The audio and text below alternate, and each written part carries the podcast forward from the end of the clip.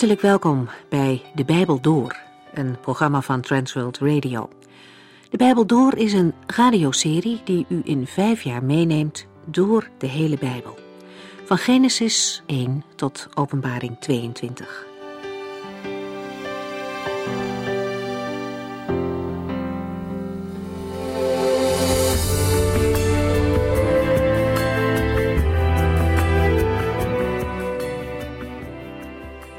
De vorige keer lazen we in het begin van het tweede hoofdstuk van Habakkuk dat de profeet uitkijkt naar het woord van de Heere. Hij heeft zijn moeite, zijn zorgen en zijn waaroms bekendgemaakt bij God en beklimt dan een wachttoren in afwachting van Gods antwoord. En de Heere gaat dan ook spreken. Allereerst krijgt Habakkuk de opdracht om de woorden van God bekend te maken. En dan krijgt hij ook antwoord op zijn grote vraag uit hoofdstuk 1. Om het nog even op te frissen, Habakuk bracht daar allereerst de goddeloosheid in Israël onder het volk van God, onder de aandacht van God. Maar toen hij hoorde dat de Heere hen door middel van de Babyloniërs wilde gaan straffen, riep dat nog veel grotere vragen bij de profeet op.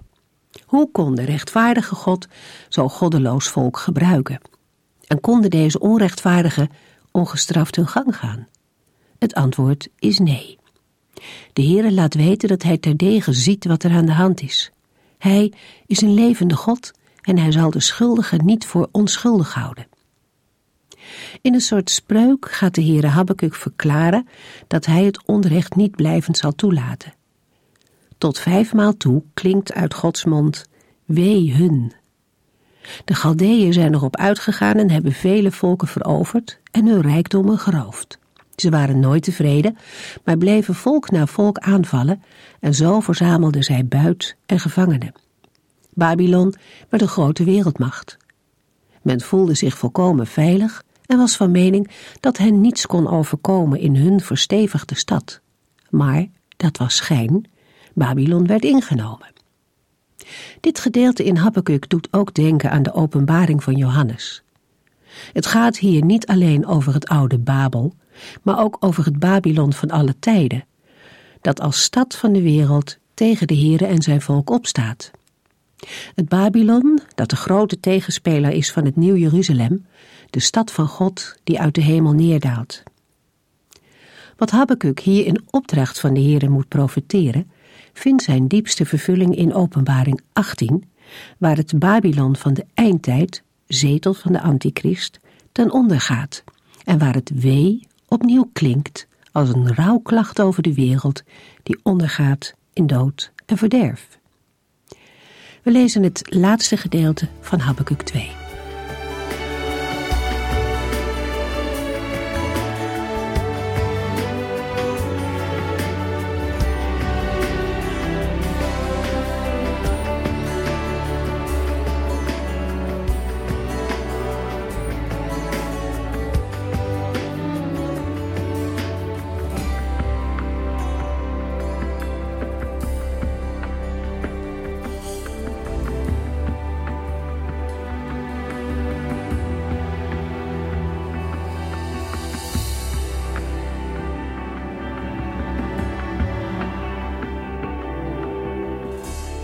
Het laatste vers dat we in de vorige uitzending uit Habakkuk 2 lazen, was vers 12.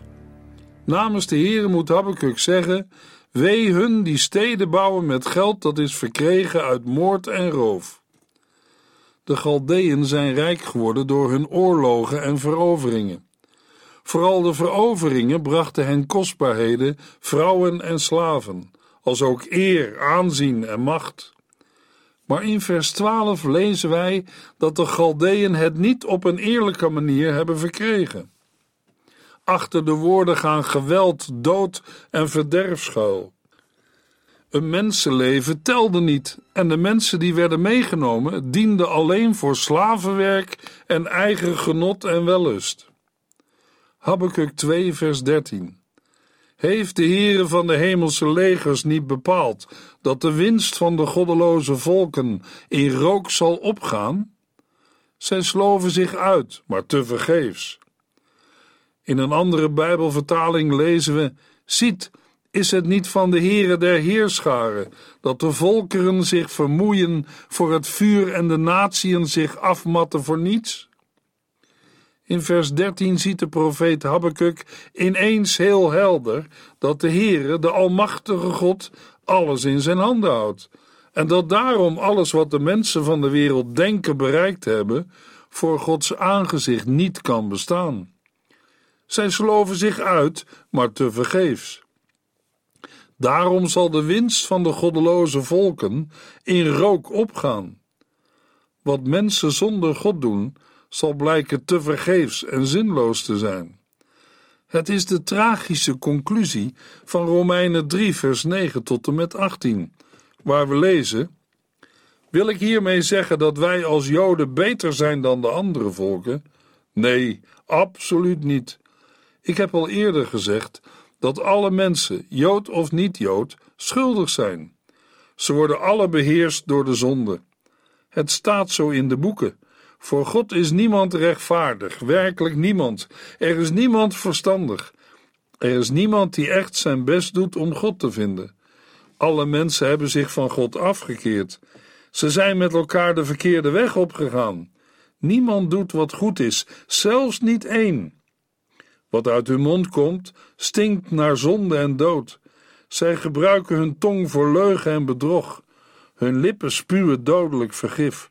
Ze staan meteen klaar om te doden. Waar zij geweest zijn, laten zij een spoor van verwoesting en ellende achter. Ze weten niet hoe zij in vrede moeten leven. Ze hebben geen enkel ontzag voor God. Ze houden geen rekening met Hem. Deze woorden worden door de apostel Paulus geciteerd uit het Oude Testament, uit Psalm 14, vers 2 tot en met 4, waar we lezen: Vanuit de hemel kijkt de Heer op de mensen neer. Hij zoekt of er nog één verstandig mens bij is, iemand die hem zoekt. Maar alle mensen zijn van hem afgedwaald, met elkaar zijn zij het spoor bijster. En is er zelfs niet één die doet wat goed is. Weten zij het dan niet, al die zondaars, al die mensen die van anderen niets heel laten? Geen van hen zoekt de Heere. Habakkuk profeteert in Habakkuk 2 vers 13 Heeft de Heere van de hemelse legers niet bepaald dat de winst van de goddeloze volken in rook zal opgaan? Zij sloven zich uit, maar te vergeefs. Of, met andere woorden, dat de volkeren zich vermoeien voor het vuur en de natieën zich afmatten voor niets.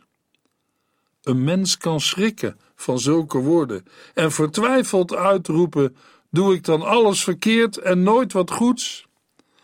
Als wij mensen elkaar beoordelen, dan zullen wij naar menselijke maatstaven best een aantal positieve zaken ontdekken. Maar daar gaat het hier niet om. Uiteindelijk gaat het hier om de vraag: hoe diep is de zonde in het leven van een mens ingeslagen? Is de mens van nature goed en doet hij helaas ook wel eens een paar dingen die niet goed zijn? Of is de mens na de zondeval van nature slecht en woont er in hem niets goeds? Het goede wat hij doet, kan hij alleen doen omdat de Heer het bewerkt, door hem heen en door zijn Heilige Geest. De apostel Paulus verwoordt het in Romeinen 7, vers 5 en 6, waar hij schrijft: Toen wij nog ons eigen leven leidden, werd ons lichaam beheerst door zondige begeerten, die werden aangewakkerd door de wet. Het enige gevolg daarvan was de dood. Maar nu zijn wij van de wet bevrijd. Omdat wij gestorven zijn, kan zij ons niet vasthouden. Nu kunnen we God op een heel nieuwe manier dienen, vanuit ons hart, door zijn geest, en niet op de oude manier door het naleven van wetten. En verderop, in Romeinen 7, vers 13 tot en met 25, schrijft de apostel: Heeft het goede dan mijn dood veroorzaakt? Geen sprake van. Het komt door de zonde, die heeft iets goeds gebruikt om mij de dood in te jagen. Daaruit blijkt haar ware aard. Wij weten dat de wet van God een geestelijke zaak is. Maar ik ben een mens van vlees en bloed, die onderworpen is aan de zonde. Mijn doen en laten zijn voor mijzelf een raadsel. Want ik doe niet wat ik graag wil. Nee, ik doe juist dingen waar ik een hekel aan heb. Ik doe dus wat ik niet wil, en daaruit blijkt dat ik het met de wet eens ben en dat ik die juist vind. Wel, dan doe ik die slechte dingen niet zelf, maar de zonde die mij beheerst. Ik weet dat ik door en door slecht ben, tenminste wat mijn oude natuur betreft. Ik kan het goede niet doen. Ik wil het wel, maar ik kan het niet. Hoewel ik het goede wil, doe ik het niet. In plaats daarvan doe ik het slechte, en dat wil ik nu juist niet. Als ik doe wat ik niet wil, doe ik dat eigenlijk niet zelf, maar de zonde in mij. Zo ervaar ik steeds weer: als ik het goede wil doen, kan ik het niet laten het slechte te doen. In mijn diepste wezen wil ik heel graag doen wat Gods wet van mij vraagt, maar ik zie dat mijn doen en laten daarmee volledig in tegenspraak is. Wat mijn verstand wil en mijn lichaam doet, is altijd in strijd met elkaar. De zonde leeft in mijn lichaam. Wat ben ik er ellendig aan toe? Wie zal mij verlossen uit deze vreselijke macht van de dood? Ik dank God dat er een uitweg is door Jezus Christus onze Heer. Om kort te gaan, ik sta met mijn verstand wel achter de wet van God, maar ben in mijn dagelijks leven onderworpen aan de wet van de zonde. Als we de zaken geestelijk bekijken, dan moeten we met Paulus constateren: ik kan het goede niet doen. Ik wil het wel, maar ik kan het niet. Hoewel ik het goede wil, doe ik het niet. In plaats daarvan doe ik het slechte, en dat wil ik nu juist niet. Maar hoe komt dat? Paulus schrijft: Het komt door de zonde. Die heeft iets goeds gebruikt om mij de dood in te jagen. Daaruit blijkt haar ware aard. Wij weten dat de wet van God een geestelijke zaak is. Maar ik ben een mens van vlees en bloed, die onderworpen is aan de zonde. Mijn doen en laten zijn voor mezelf een raadsel. We lazen in Habakkuk 2, vers 13: Heeft de Heere van de hemelse legers niet bepaald dat de winst van de goddeloze volken in rook zal opgaan? Zij sloven zich uit, maar te vergeefs. Of met andere woorden, dat de volkeren zich vermoeien voor het vuur en de natieën zich afmatten voor niets. Habakkuk ziet dat de Heere alles in zijn handen houdt en dat daarom alles wat de mensen van de wereld denken te bereiken zal verdwijnen. Het zal blijken te vergeefs en zinloos te zijn. We lazen: De winst van de goddeloze volken zal in rook opgaan. Zij sloven zich uit, maar te vergeefs. De volken matten zich af voor niets. Hun zwoegen verdwijnt zonder iets na te laten. Maar Gods werk daarentegen heeft toekomst. Dat lezen we in Habakkuk 2, vers 14.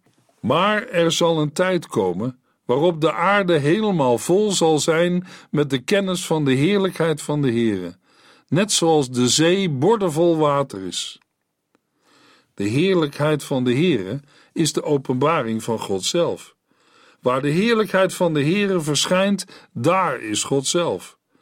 Denk aan de heerlijkheid van de Heere, zoals deze neerdaalde in een wolk op de tabernakel en de tempel, als bewijs van Gods inwoning in zijn huis. Denk ook aan het kerstevangelie, waarin de heerlijkheid van de Heere de herders van Bethlehem omscheen. Daar is de Heere zelf, als vrucht van het komen van Jezus Christus als mens op aarde. Habakkuk ziet het gebeuren. Het moment waarop de aarde helemaal vol zal zijn met de kennis van de heerlijkheid van de Heere, van de Heere zelf. Zo volkomen als het zeewater de bodem van de zee bedekt. De hele bodem is bedekt, geen plekje uitgezonderd. Die goddeloze volken, die in Habakkuk 1 vers 15 worden voorgesteld als goddeloze vissers, onrechtvaardige rovers en zedeloze afgodendienaars. Zij zullen verdwijnen in het vuur van Gods oordeel. Maar de Heere zal in volle glorie koning zijn, van en over de hele aarde, niet over een klein stukje of koning over een paar mensen, nee, over alles en iedereen. Er zal een tijd komen waarop de aarde helemaal vol zal zijn met de kennis van de heerlijkheid van de Heere. Dezelfde woorden lezen we in Jesaja 11 vers 9, waar Jezaja in opdracht van de Heere profeteert. Op heel mijn heilige berg zal niemand schade aanrichten of iets vernietigen. Want zoals het water de zee vult, zal de aarde vol zijn van de kennis van de Heere. Jezaja profeteert over de tijd waarin de Messias zal regeren en het in de schepping weer zal zijn als in het begin. Zoals in de Hof van Ede, voor de zondeval van de mens. Bij de bespreking van het Bijbelboek Jesaja hebben we bij dit vers gezegd: Het gevolg van de Messiaanse regering zal een paradijselijke toestand zijn, waarin heel de schepping gaat verkeren.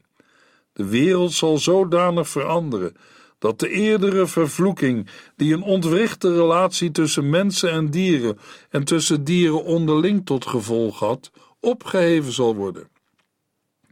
Deze profetie van vrede vormt een uitwerking van de eerdere voorzegging van een wereld waar de oorlog niet meer bestaat.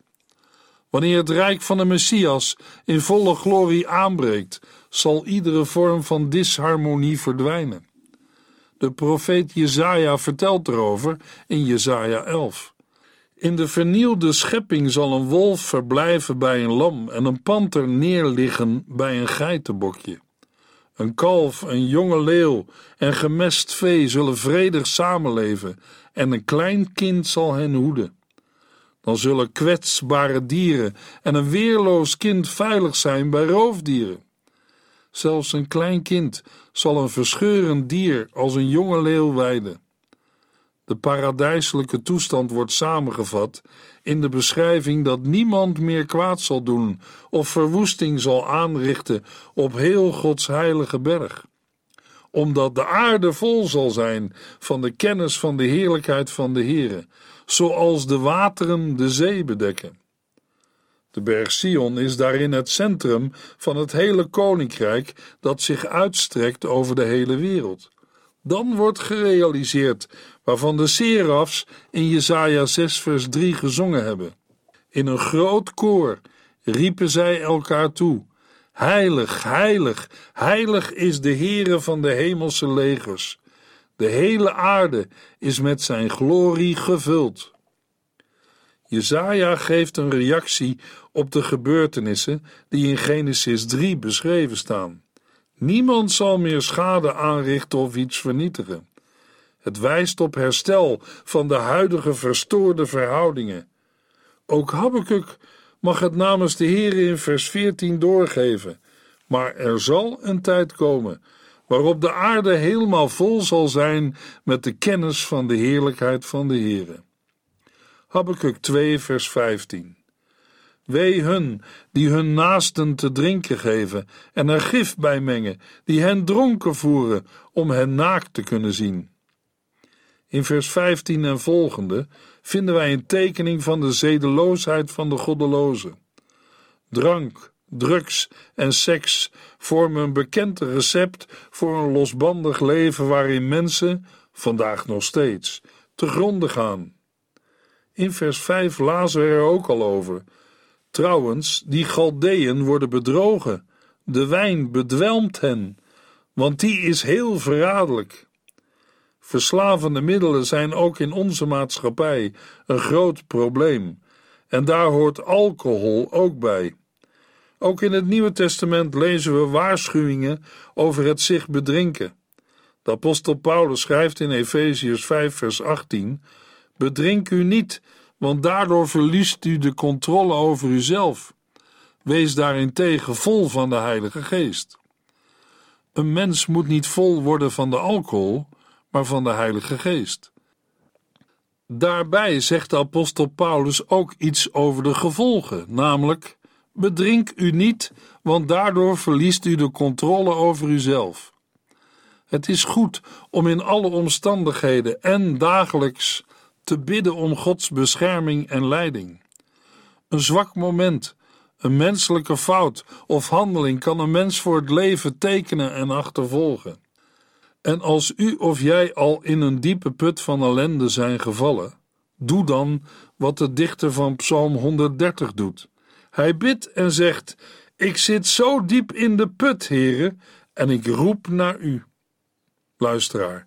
Ik hoop en bid dat u dit laatste ook doet. Habakkuk 2, vers 16. Binnenkort zal u eer moeten plaatsmaken voor schande. Drink uit de beker met het oordeel van de Heere. Drink en laat uw onbesnedenheid zien. Uw eer zal moeten wijken voor de grote schande die u zal treffen. De Galdeën, de koning en de andere leiders hebben zich te goed gedaan aan zedeloosheid en losbandigheid, in plaats van dingen te doen die meer bij een koning en zijn gevolg horen. Daarom zal hetzelfde lot dat zij anderen hebben aangedaan hen ook zelf overkomen. Ook over hen zal beroving, vernedering en ontering komen. En de drinkbeker die de Galdeën moeten drinken, is geen menselijke drinkbeker van boosheid. Nee, de Galdeën moeten drinken uit de beker met het oordeel van de Heere.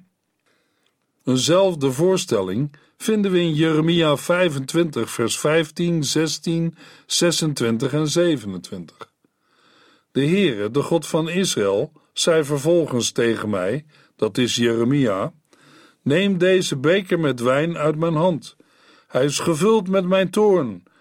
Laat alle volken waar ik u naartoe stuur uit deze beker drinken. Zij zullen eruit drinken en wankelen, dronken van angst, door de dodelijke zwaardstoten waarmee ik hen zal treffen. En in vers 26b en 27 lezen we nog: En tenslotte dronk ook de koning van Babel zelf uit deze beker, gevuld met Gods toorn.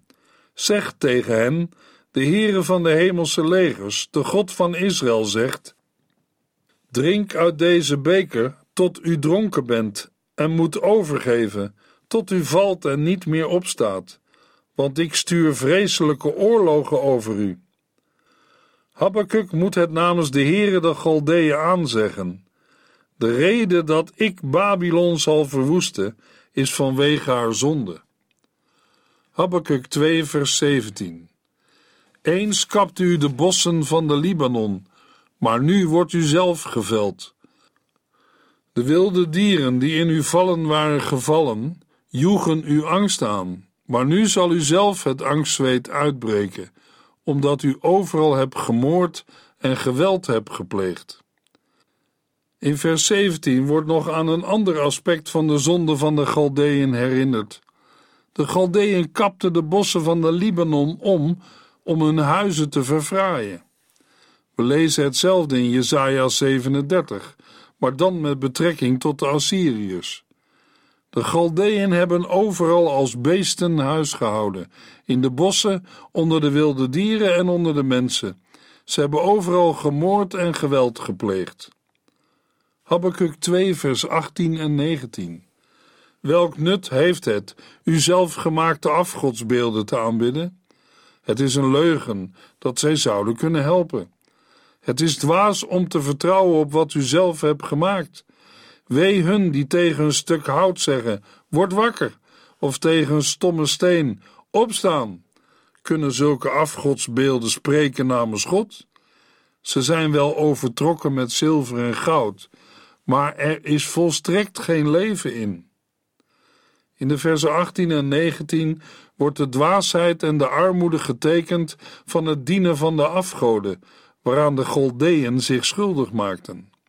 Net als bij andere profeten horen wij ook hier woorden vol bijtende spot over de dwaasheid van mensen die de levende God hebben ingeruild voor een doodstuk hout of steen, al dan niet overtrokken met zilver of goud. En wat baat het de mens? De Heere laat het in deze verse zien, en het is goed om erop te letten, omdat het ontmaskerend is. Tegelijk brengt het de armoede van deze wereld pijnlijk aan het licht. Want wat levert al dat roven en stelen, dat moorden en het bouwen van forten nu uiteindelijk op? Wat is nu de winst van het dienen van afgoden en het leven in de zonden? De Heere vraagt: welk nut heeft het u zelf gemaakte afgodsbeelden te aanbidden? Wat zijn de Galdeeën er nu mee opgeschoten? De Heere zegt: de rover wordt op zijn beurt beroofd. Het geweld keert zich tegen hen. De zonde bevuilt de Galdeeën en de afgoden laten hen in de steek en blijven zwijgen, ook als zij op hun beurt diep in de ellende zitten. Luisteraar, dit vijfvoudige wee uit Habakkuk 2 moeten wij eens goed op ons laten inwerken. Is de wereldgeschiedenis niet één trieste bevestiging van het beeld dat wij hier zien van mensen die met God geen rekening houden? En bevestigt de geschiedenis niet het wee dat de Heere over hen uitroept? Hun einde is inderdaad de dood. En dan? De Heer Jezus laat het zien in de gelijkenis van de rijke man en de arme Lazarus in Lucas 16. Maar voor de rijke man was het te laat. Aan zijn situatie in het dodenrijk kon niets meer worden veranderd. Hij moest alles achterlaten. Hij had zijn portie gehad en nu lijdt hij pijn in deze verschrikkelijke vlammen. En de Galdeën wacht hetzelfde lot en hun afgoden zwijgen als het graf. Eigenlijk is het onbegrijpelijk dat mensen het toch altijd weer proberen. Maar de Heere zegt duidelijk waar het op uitloopt. Zijn wee klinkt over mensen die geen rekening houden met God en niet naar zijn woord luisteren en handelen. Maar de mensen die rechtvaardig zijn, zullen door hun geloof echt leven. Habakkuk 2 vers 20 De Heere woont echter in zijn heilige tempel. Laat de hele aarde voor hem zwijgen. Habakkuk weet het zeker. Gods woning is onbereikbaar voor zijn vijanden. Zijn troon staat vast. Hij regeert als de heilige, als de gans andere, en het loopt de Heere niet uit de hand. Op de wachttoren waar Habakkuk staat, daalt na al de bange vragen die de profeet stelde, de rust neer. De Heere regeert. Verzet is zinloos. En daarom laat de hele aarde voor hem zwijgen. Wat dan overblijft, is luisteren naar Gods woord en doen wat de Heere zegt. In de volgende uitzending lezen we Habakkuk 3 vers 1 tot en met 6.